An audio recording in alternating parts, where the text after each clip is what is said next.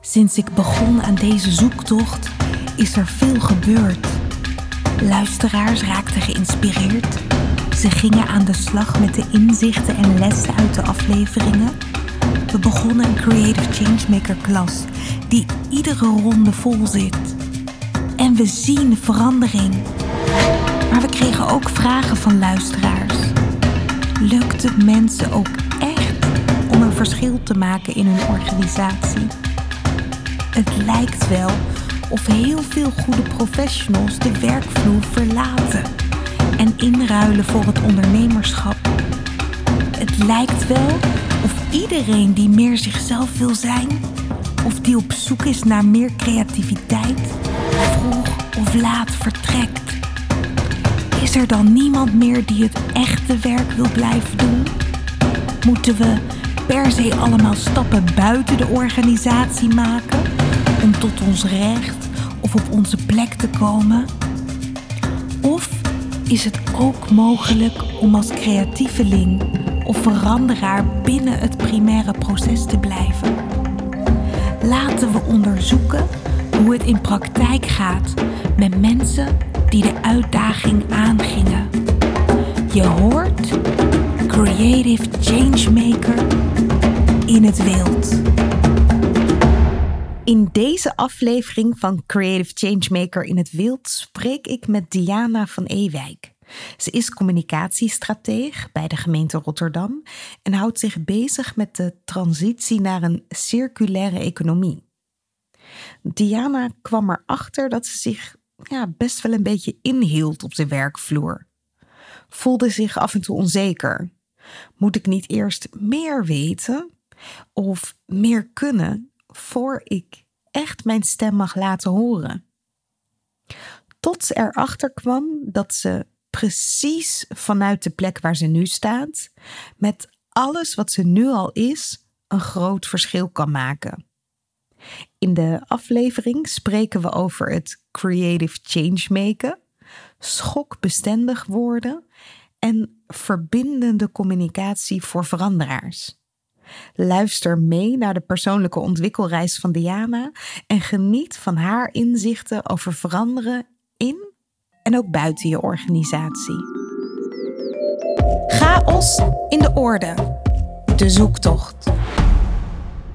Diana, welkom. Dankjewel. Fijn dat ik hier mag zijn. Ik begin altijd met die ene vraag, die, die toch wel magische vraag. Wat wilde jij vroeger worden toen je nog een uh, klein meisje was? Ik wilde vroeger, toen ik nog een uh, klein Dianaatje was, dierenarts worden. En kun jij je nog herinneren waarom jouw hart daar naar uitging? Wat, wat maakte dat dierenarts jou zo aansprak?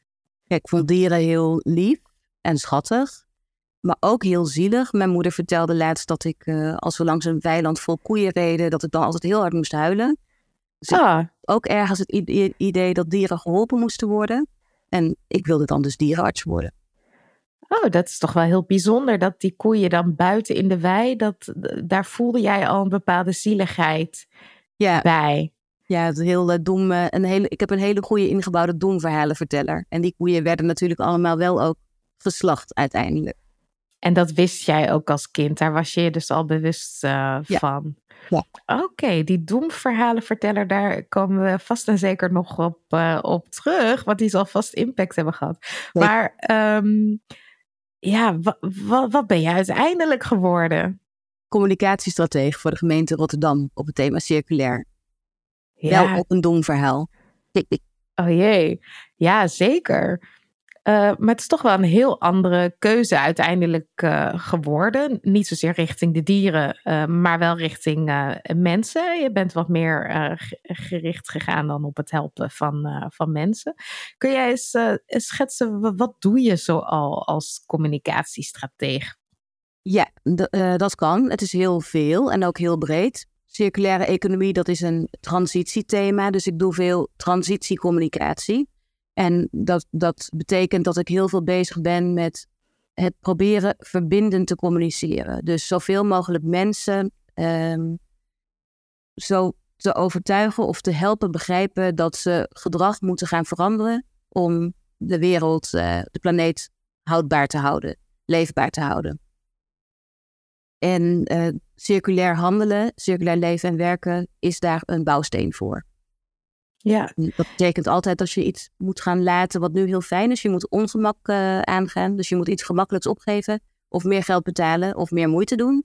En dat, ja, dat, dat, dat, kost, dat, dat vraagt wel een specifieke communicatiestrategie om mensen daarbij te helpen. Mooi, want ik, ik denk dat e-, eigenlijk dit thema een hele mooie metafoor is voor welke verandering dan ook. Hè? Wij hebben natuurlijk in deze podcast veel over het veranderen van een organisatiecultuur, uh, anders werken. Uh, ik kan me voorstellen dat daar best wel parallellen te zien zijn. Hè? Als het gaat om dat, dat, dat ongemak. Uh, ervaren dat het huidige misschien niet meer voor je werkt, maar hoe dan wel? Ja. En, en, laten we dan eens kijken. je bent nu communicatiestratege op dit thema. Je werkt voor een grote gemeente, de gemeente Rotterdam. Um, heb je eerder voor andere organisaties ook vergelijkbaar werk gedaan?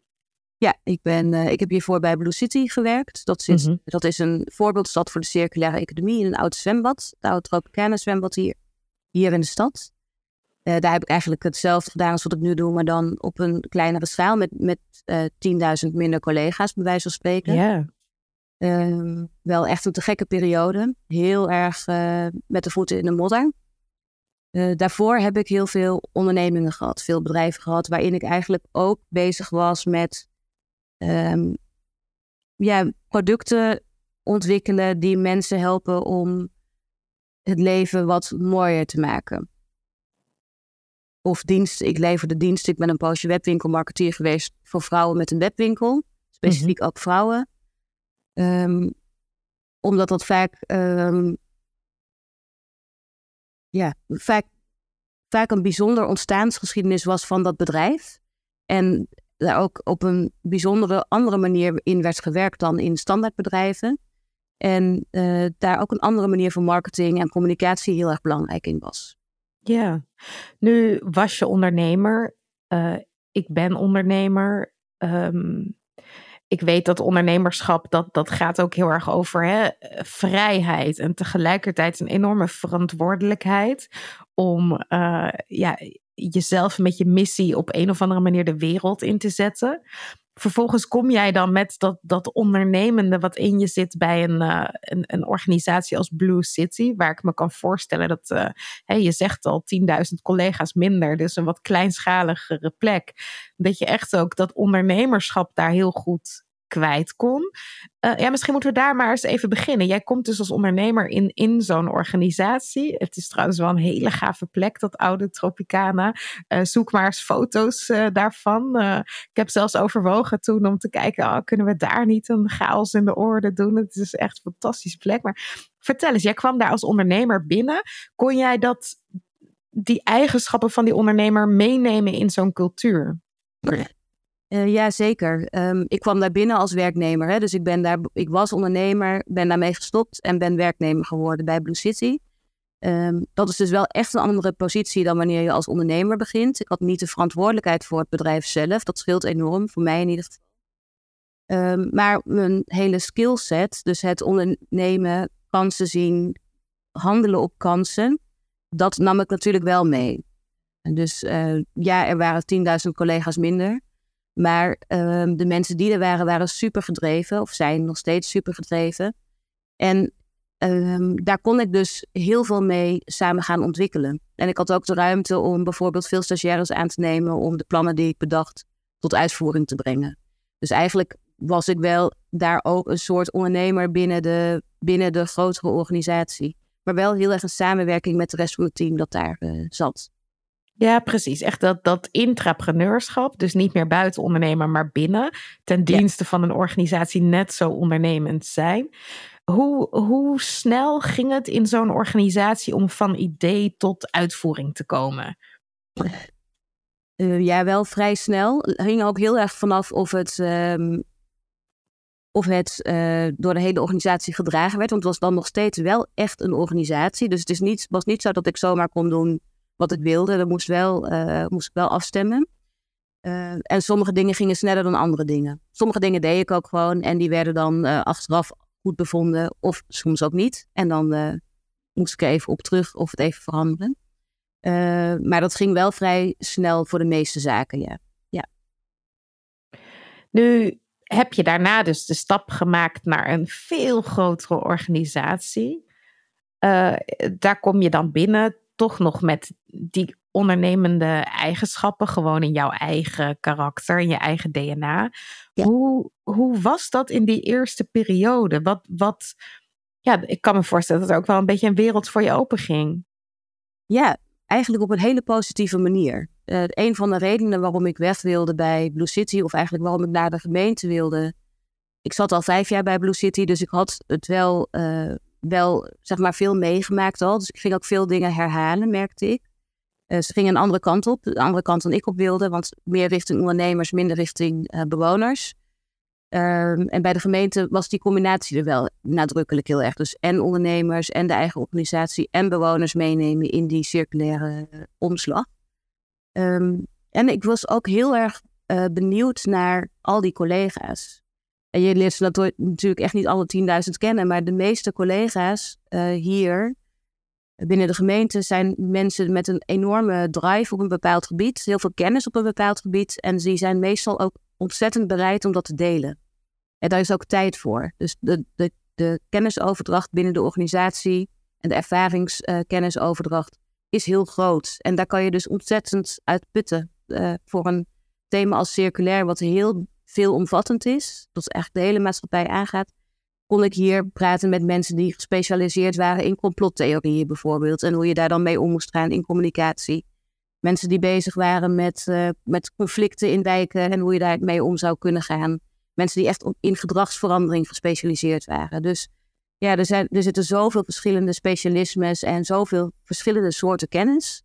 Dat vond ik echt ontzettend aantrekkelijk en, uh, en prettig.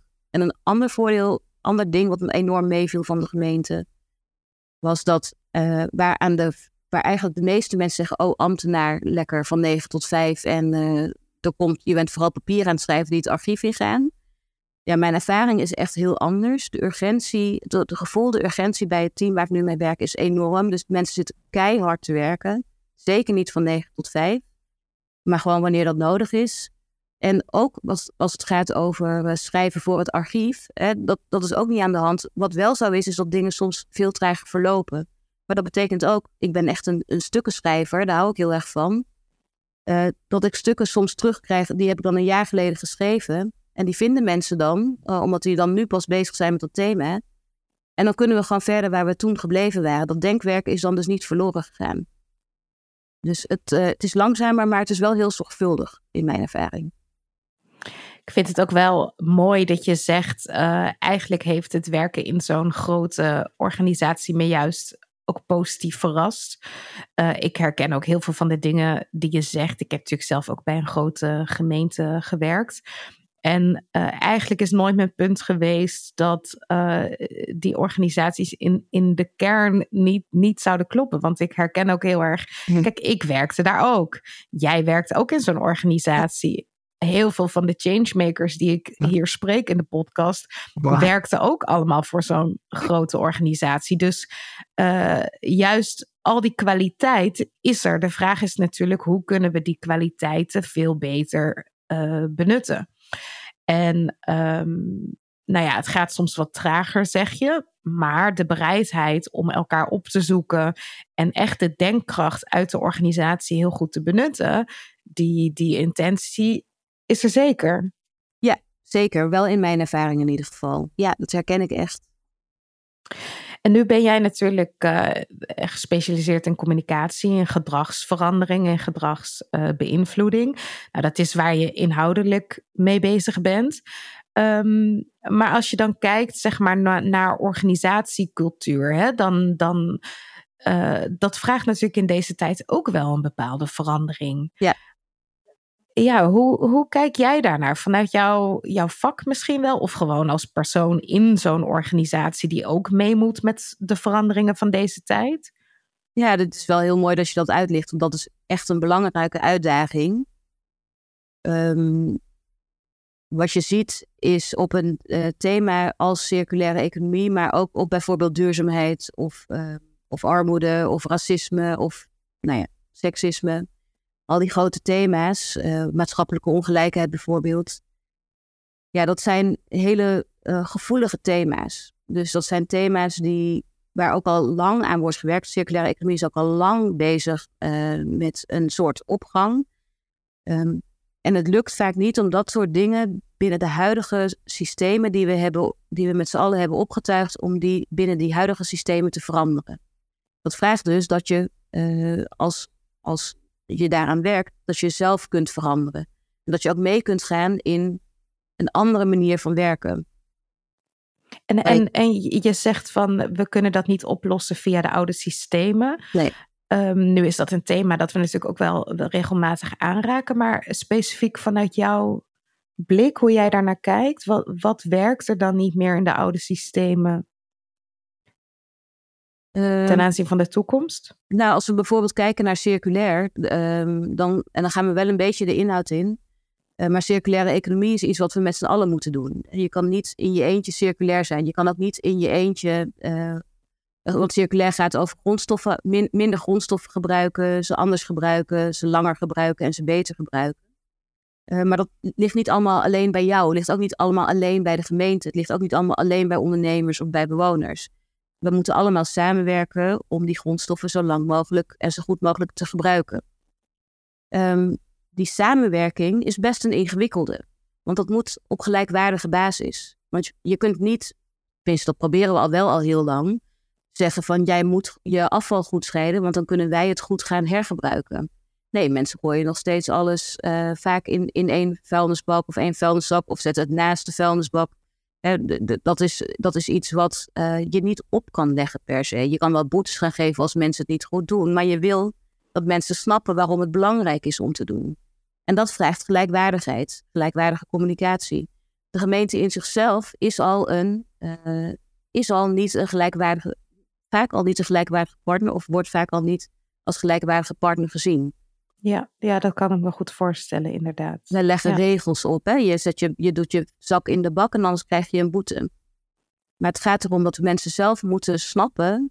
We willen dat mensen zelf snappen waarom die zak in de bak moet. En waarom in die zak alleen het restafval moet. Wat we echt niet kunnen hergebruiken. En dat alle andere dingen in de groenbak moeten. In de papierbak, in de, uh, in de, bij de supermarkt terug met flessen en blikjes, apparaten bij een andere, in een andere afvalstroom. Dat vraagt natuurlijk, wat ik al eerder zei, heel veel extra gedoe bij mensen. Dus de grootste verandering in deze tijd is misschien wel voor organisaties dat ze zich niet meer alleen kunnen richten op hun eigen organisatie en hun eigen beleid. Want ik denk, hé, hey, jij, jij zegt dit nu uh, met je kennis vanuit een gemeente.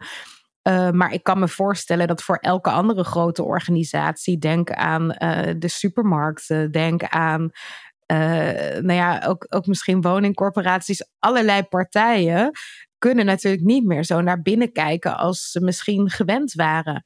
Ze kunnen niet meer alleen zich verhouden tot een verandering. Dus ik, ik kan me inderdaad voorstellen dat de mensen die in die organisaties werken ook veel meer een, een, een, een soort netwerkprofiel moeten hebben of een heel sterk communicatief profiel? Hoe, kijk jij daarnaar? Ja, nou, het vraagt, het vraagt van jou als mens. Eh, kijk, circulaire economie, circulaire, die circulaire transitie, die verandering, eigenlijk iedere verandering, iedere systeemverandering begint bij één mens. Hè? En dan die ene mens doet iets, vertelt door wat hij doet aan een ander. Die ander is daardoor geïnspireerd, gaat dat ook doen. En zo, uh, en die vertelt het door in andere kringen als mensen die in allerlei netwerken, zoals je net ook al zei. En in al die netwerken heb jij invloed. Je kan daar goede invloed hebben of je kan daar slechte invloed hebben. Een goede invloed, dus laten zien wat je wel kan doen als één persoon, ook al doet China niks, eh, in, als we het hebben over circulair of duurzaam. Um, zorg ervoor dat mensen dat, dat mensen dat zien en doorvertellen en zelf ook aan het werk gaan, in het beste geval. Nou ben ik wel de vraag vergeten. Nou, ik vroeg van, is het nodig dat mensen zich veel meer gaan ontwikkelen als een soort netwerker met heel sterke communicatieve vaardigheden? Maar ik hoor je eigenlijk ook zeggen van dat het vooral belangrijk is dat, dat mensen zich realiseren dat ze ook in hun eentje toch, toch al een steentje in het water gooien. En, en dat geldt voor inwoners, maar dat geldt uh, voor ambtenaren. Dat geldt dus ook voor medewerkers in een ander type organisatie. Dat ze niet te snel denken dat ze afhankelijk zijn van een systeemverandering, maar dat zij zelf dus prima onderdeel van die verandering kunnen zijn. Tot op zekere hoogte wel. En tegelijkertijd, er is een systeem dat nog heel dwingend is. Zeker als het gaat over bijvoorbeeld afval. Uh, waar je dan wel uh, mee moet werken en omheen moet werken soms. om jouw uh, idee of visie de wereld in te helpen. Ja. En dat vraagt wel weer samenwerking. En dat vraagt ja. verbindend kunnen communiceren. Want wat jij wil is iets anders dan dat de, de gemeente soms voorschrijft. Ja. Nou, hoe ga je daar dan, hoe ga je dat oplossen? In gesprek. En dat gesprek kan alleen plaatsvinden als je op gelijkwaardig niveau zit. Ja. Ja, mooi. Eigenlijk wat je, wat je zegt is natuurlijk ook heel erg wat wij uh, leren in de Creative Changemaker klas. Dus misschien is een Creative Changemaker ook helemaal niet zo anders dan gewoon een, een, een mens zijn in deze tijd en je zien te verhouden tot je, tot je omgeving. Ja, en snappen wie je zelf bent en waarom je doet wat je doet. Hè? Daar ja. komt weer dat doemverhalen denken terug.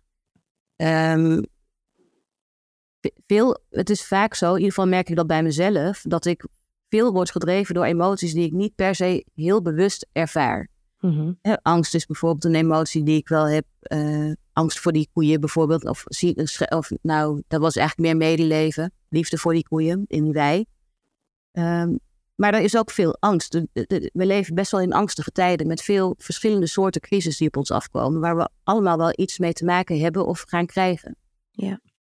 En als je niet goed snapt waarom je doet wat je doet, en je kent jezelf niet goed en je ruimt niet genoeg tijd in in je dag om jezelf beter te leren kennen, dan kan het zomaar zijn dat die angst je heel erg stuurt. En voor mij een creative changemaker is dus ook iemand die goed snapt van zichzelf wat, wat ervaar ik eigenlijk allemaal en in hoeverre laat ik me daardoor onbewust sturen en hoe kan ik dat bijsturen naar iets positiefs? Eh, dat lijkt me een heel mooi bruggetje om te kijken naar jouw Creative Changemaker reis. En misschien even voor, we, uh, voor je ons meeneemt in, in die reis, hoe zie jij de rol van creativiteit in deze tijd? Ik denk dat creativiteit enorm belangrijk is om um, om uiting te geven aan jezelf. Al is het maar alleen voor jezelf. Al, al doe je, ik teken tegenwoordig heel veel. Vroeger schreef ik heel veel. Um, dat deed ik ook heel vaak alleen maar voor mezelf. Maar daardoor leerde ik mezelf wel beter kennen.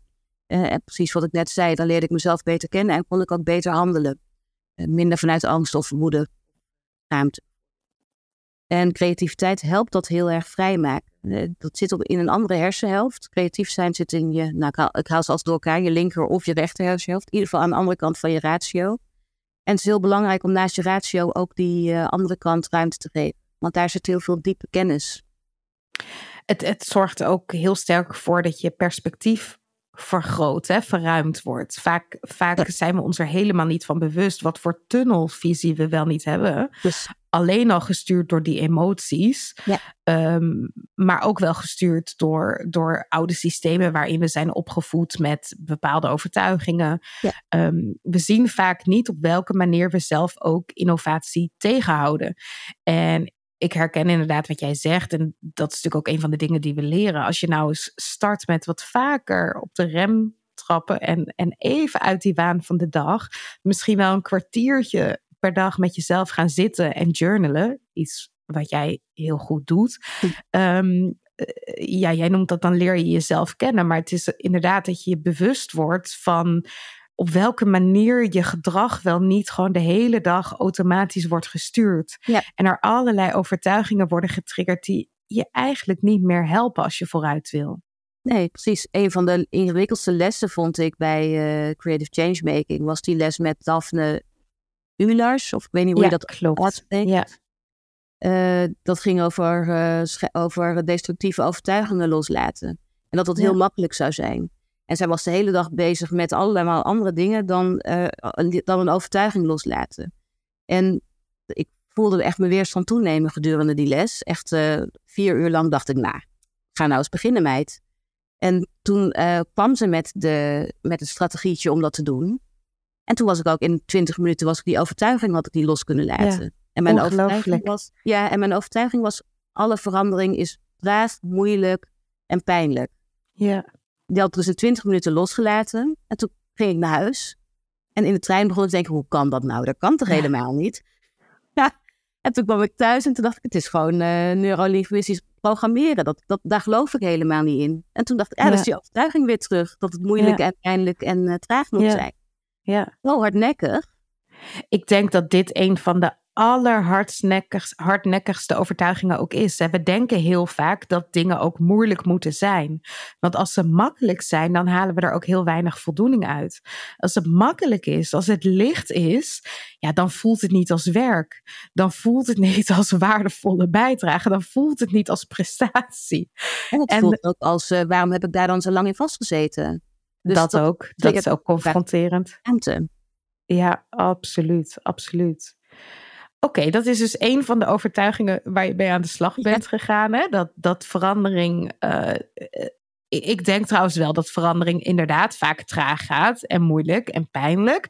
Alleen dat, het, dat daarnaast verandering net zo goed ook heel leuk en heel licht en heel uh, creatief en heel energiegevend kan zijn. Hè? Dat die twee waarheden prima naast elkaar kunnen bestaan. Precies. En dat het vooral de vraag is: waar richt jij je op? Um, vertel eens, wat is er allemaal gebeurd met jou en hoe je je verhoudt tot je werk, tot je omgeving, tot jezelf, sinds je bent gestart met die Creative Changemaker reis? Ja, dat is eigenlijk, um, vond hij daar net plaats in een hele rommelige periode in mijn leven, uh, waarin er privé ook een heleboel gebeurde. Dat me ook wel flink uh, uit het lood getikt heeft op een gegeven moment. Maar waar de creative changemaking waarom ik daar graag aan mee wilde doen, is omdat, um, nou eigenlijk wat ik net zei, ik werk dus voor een, voor een grote gemeente uh, aan een transitiethema. Uh, zeg maar grofweg 20% van de organisatie is bereid om mee te gaan in een nieuwe manier van werken. En 80% vindt dat nog heel ingewikkeld en moeilijk. En uh, dat verschil is heel lastig te overbruggen. En ik dacht, um, nou, het lijkt me goed om naast mijn textuele, uh, textuele woorden, zeg maar rationele communicatie, ook uh, creatieve communicatie of visuele communicatie in te gaan zetten. Om dus die verschillende uh, types mensen te verbinden aan elkaar, zodat we voorwaarts kunnen in plaats van dat we stil blijven staan. En dat heb ik eigenlijk, um, ja, dat eigenlijk heeft de Creative Changemaking daar enorm goed mee geholpen. Vooral ook door mezelf naar mezelf te laten kijken. Hè, waar zitten nou mijn eigen uh, overtuigingen? Waar zit ik zelf klem in hoe ik naar de organisatie kijk en naar deze uitdaging mm -hmm. kijk? En wat kan ik daar dan in oplossen? Wat kan ik nou doen, terwijl zo, precies zoals ik nu al ben, om die verandering te helpen teweeg te brengen? Mooi dat je zegt precies zoals ik nu al ben. Ja. Wa waarom zeg je dat? Ja, dat is dus wel, dat, dat is eigenlijk de, het, uh, de mantra of de tegenovertuiging die ik in die les met Daphne heb geformuleerd. Um, want eigenlijk zat er nog wat aan vast. Verandering is traag, moeilijk en uh, ingewikkeld en pijnlijk. En dus kan je dat pas gaan doen als je al helemaal goed bent. Ja. En ik heb daar geleerd, ik draag precies zoals ik nu ben, zinvol bij aan verandering ten goede. Dus ik hoef niet eerst nog dit allemaal te kunnen, beter te leren tekenen, het idee achter verbindende communicatie beter te snappen of circulaire economie beter te snappen. Ja. Met wie ik ben.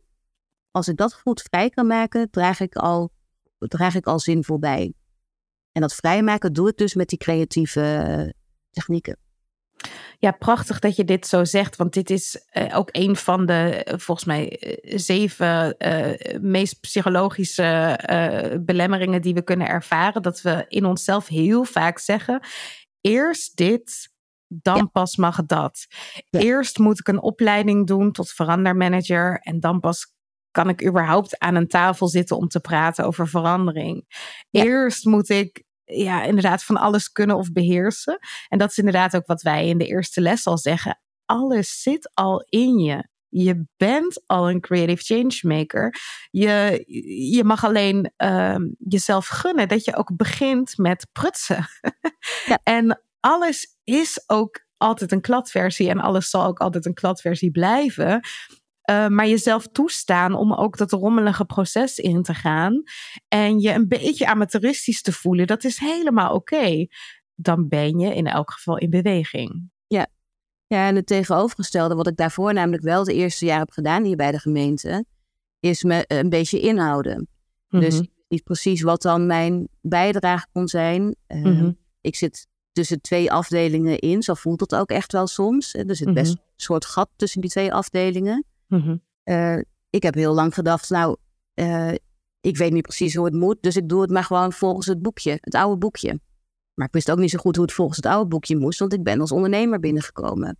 Dus ik heb best wel lang mezelf tegen zitten houden. En uh, op een gegeven moment dacht ik, nou nee, ik ga nu gewoon, ik stap nu gewoon in met alles wat ik ben.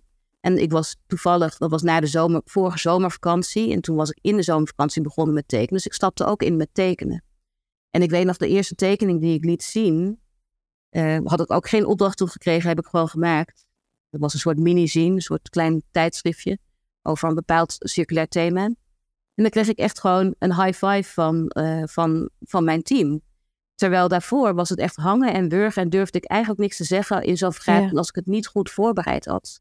Ja. Het allerbelangrijkste wat ik dit jaar, deze de afgelopen anderhalf jaar heb geleerd, is om echt in mezelf, met mezelf in verbinding te blijven en datgene wat ik voel en denk ook op tafel te leggen, ook al is het nog niet geformuleerd zoals ik denk dat het had moeten worden geformuleerd. Ja.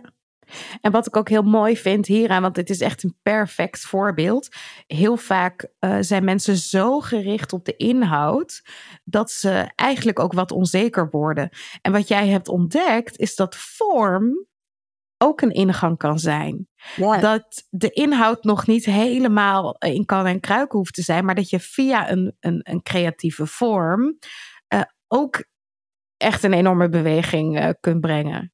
Ja, en sterker nog, dat werkt vaak heel verbindend. Want wat ik dus merk is dat de mensen die heel erg op de inhoud zitten, dus dat zijn vaak echt visionairs, hè, die hebben echt een, een prachtige strategie en een prachtige visie. Die lopen vaak ook heel ver voorop. Die verliezen dan de verbinding met de grotere groep die het mee moet gaan doen.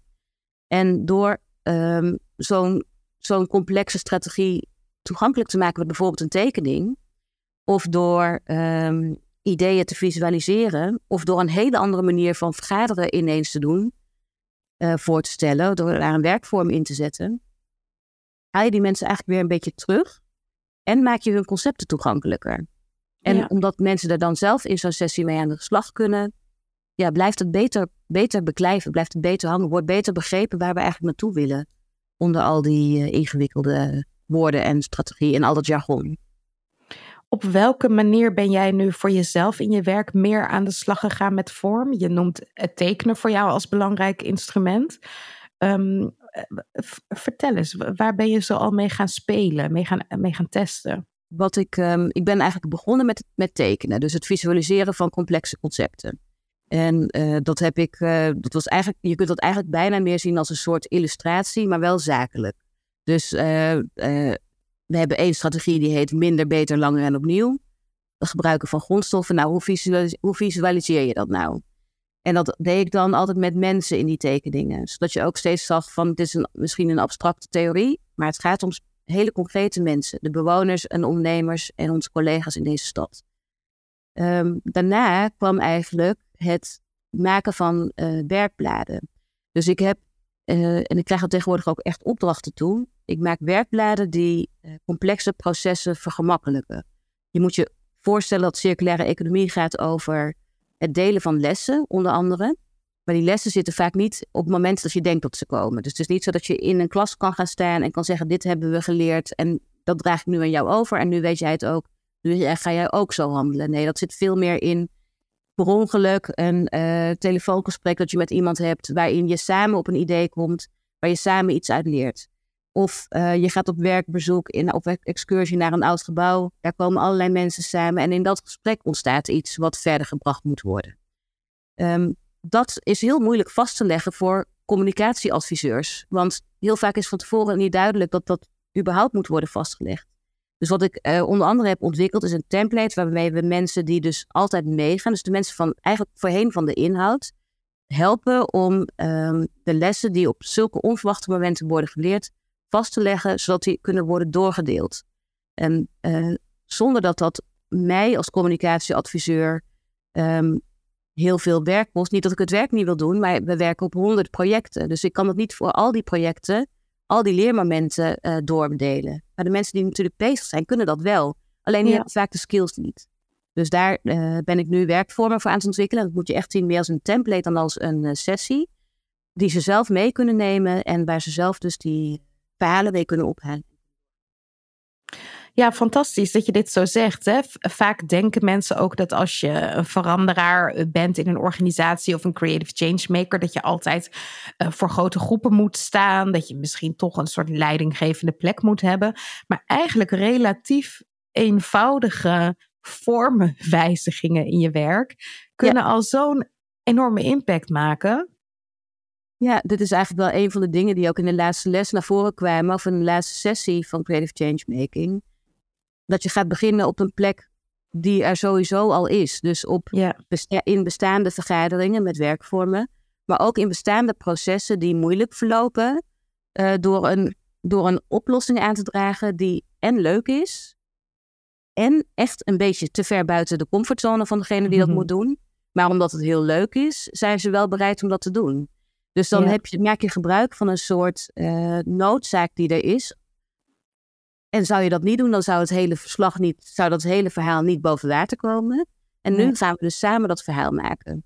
Ja. Uh, dus dat is, dat is direct ook de winst van dat mensen iets gaan doen waarvan ze vroeger zouden hebben gezegd, ja, dat is iets voor communicatie, dus dat doe ik niet, dus dat moet jij doen. En als jij geen tijd hebt, doet niemand het. Nee, nu, nu gaan we dus samen kijken of dat op deze manier werkt en uh, wat daar nog meer voor nodig is.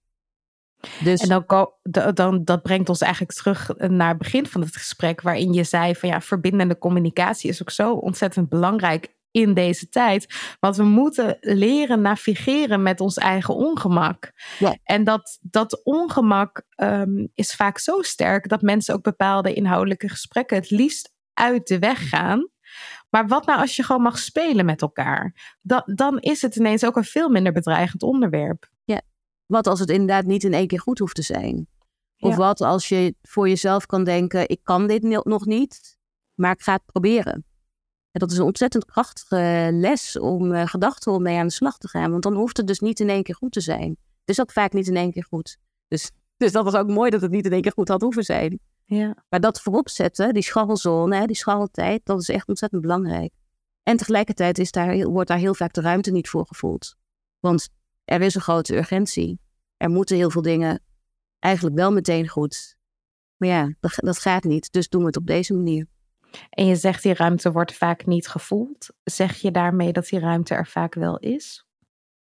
Ik denk het wel. Ik denk, ik had vanochtend nog een ontmoeting of een vergaderingje met iemand. Eh, en eigenlijk zouden we twee uur hebben, maar eh, er was iets, er ging mis, iets mis met te laat en ik was wat vergeten.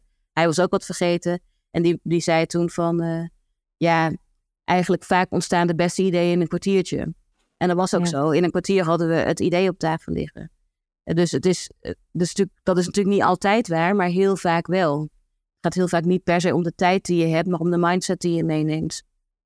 Wat, wat zou jij anderen willen meegeven die nu in een, in, een, in een grotere of kleinere organisatie werken en zeggen van hé, hey, eigenlijk wil ik ook wel zo'n omslag maken die Diana heeft gemaakt, namelijk dat ik zelf gewoon al die verandering ga zijn die ik hier in mijn organisatie wil zien. Waar, ja, wat zou je ze adviseren als eerste, eerste kleine stap? Ja, ja oh, dat vind ik altijd heel lastig. want het zijn duizend kleine stapjes natuurlijk. En je kan ook op iedere plek instappen op dit pad. Um, ik denk het allerbelangrijkste wat ik uh, voor mezelf in ieder geval heb geleerd, is dat, uh, dat je moet accepteren, wat ik heb geleerd, dat ik moet accepteren dat ik geen controle heb. Uh, en, dat, en dat er dus speelruimte is. Dus je kan ook denken, er is geen controle, dus ik hou me klein en ik doe binnen de, binnen de kaders die er zijn. Maar je kan ook denken, ik heb geen controle en ik, dus ga ik spelen. En dat vraagt van je dat je om kan gaan met onzekerheid. Dus dat je onzekerheidsvaardig wordt. Dat is eigenlijk het allerbelangrijkste. Als je dat bent, dan kun je uh, spelen wat je wil. Dan is het wel leren, steeds leren van, is dit nog wat ik echt wil en voel? Dat is ook een belangrijke. Maar dan weet je al wel, ik verlies niks groots. Want er is niks groots te verliezen. Mooi. Ik denk dat dat laatste eh, ook heel belangrijk is. Want, want heel vaak zeggen we toch ook dingen als: ja, je moet het eigenlijk gewoon doen. Maar dat gewoon doen is toch best wel ongewoon in, in, in sommige organisaties. Dat is ook moeilijk. En, je wordt ja. voor 80% of wat is het, 90% gedreven door emoties die je vaak niet weet dat je daar hebt. 60.000 emoties per dag zorgen voor 60.000 gedragstypes die je, waarvan je niet eens bewust bent dat je die aan het doen bent. Veel te hard werken bijvoorbeeld. Ja, en dan is zo'n mindset als er is niet echt iets heel groots te verliezen. Nee. Uh, laat ik dan maar iets proberen. Ja, laat ik mild zijn voor mezelf. Hé, hey, ik ben weer even bang. Ik heb laatst tijd veel angstaanvallen bijvoorbeeld. Hé, hey, ik, heb weer, ik voel weer even heel veel angst. Oké, dat laat ik er dan even zijn. Dat duurt 90 seconden. Als ik er maar geen doemverhaal aan koppel. En dan kan ik verder. En dan voel ik me misschien nog steeds wel heel moe. Maar kan wel verder. Ik hoef niks te beschermen dan. Mooi, prachtig. Diana, dankjewel. Graag gedaan. Chaos in de orde. De zoektocht. Een van de belangrijkste inzichten die je uit dit gesprek kunt halen, is dat een verandering niet altijd moeilijk en complex hoeft te zijn. Vaak hebben we onszelf aangeleerd dat werk pas echt bevredigend is als het moeilijk en uitdagend is en als we ons tot het uiterste moeten inspannen. Soms maken we zelf ons werk onnodig ingewikkeld. Vooral als we vastdenken in de details en de complexiteit van de inhoud. We vergeten dan een beetje dat er andere manieren zijn om precies diezelfde dingen te benaderen. Manieren die lichter, leuker en makkelijker kunnen zijn.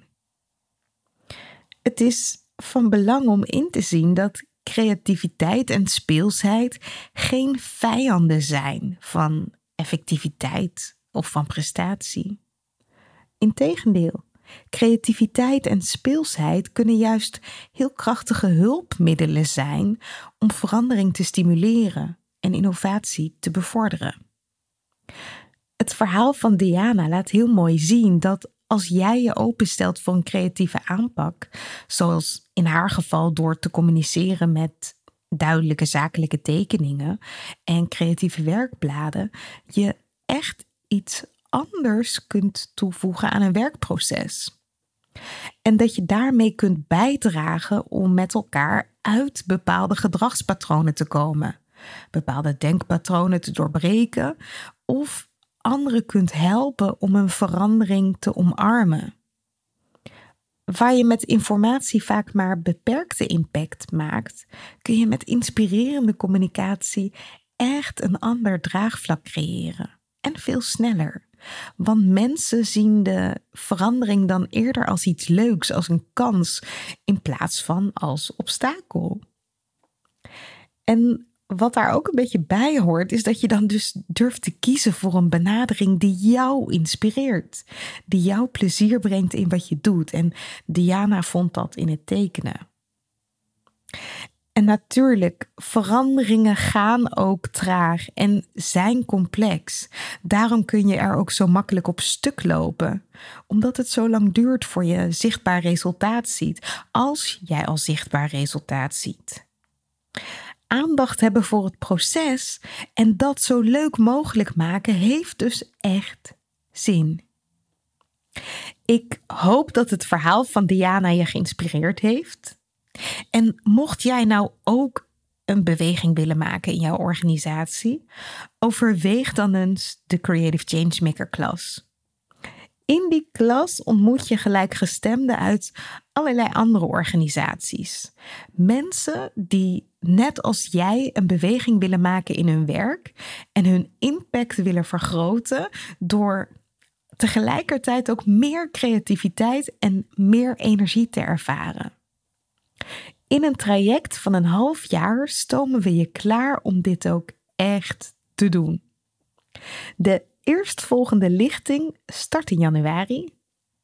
Als je nieuwsgierig bent, kijk even op chaosindeorde.nl en dan zie je rechtsbovenin een knop naar de Creative Changemaker klas. Creativiteit, innovatie. Het lijkt omgeven door een mysterieuze mist. Een geheim voor briljante breinen en getalenteerde kunstenaars. En toch, moet toch voor iedereen toegankelijk zijn? Aflevering voor aflevering graaf ik steeds een stukje dieper. Ben jij enthousiast? Abonneer je dan op deze podcast en laat een review achter in de app waarmee je luistert. Hoe meer reviews we ontvangen, hoe meer mensen deze podcast kunnen vinden. Zo zorgen we samen voor meer chaos in de orde. Wil jij zelf chaos in de orde brengen? Download dan gratis het e-book Chaos. 10 manieren om patronen te doorbreken. Je vindt het op chaosindeorde.nl/slash podcast. Deze podcast wordt je aangeboden door Huis van Verbeelding, het bedrijf voor zakelijke creativiteit. Tot de volgende keer en veel chaos!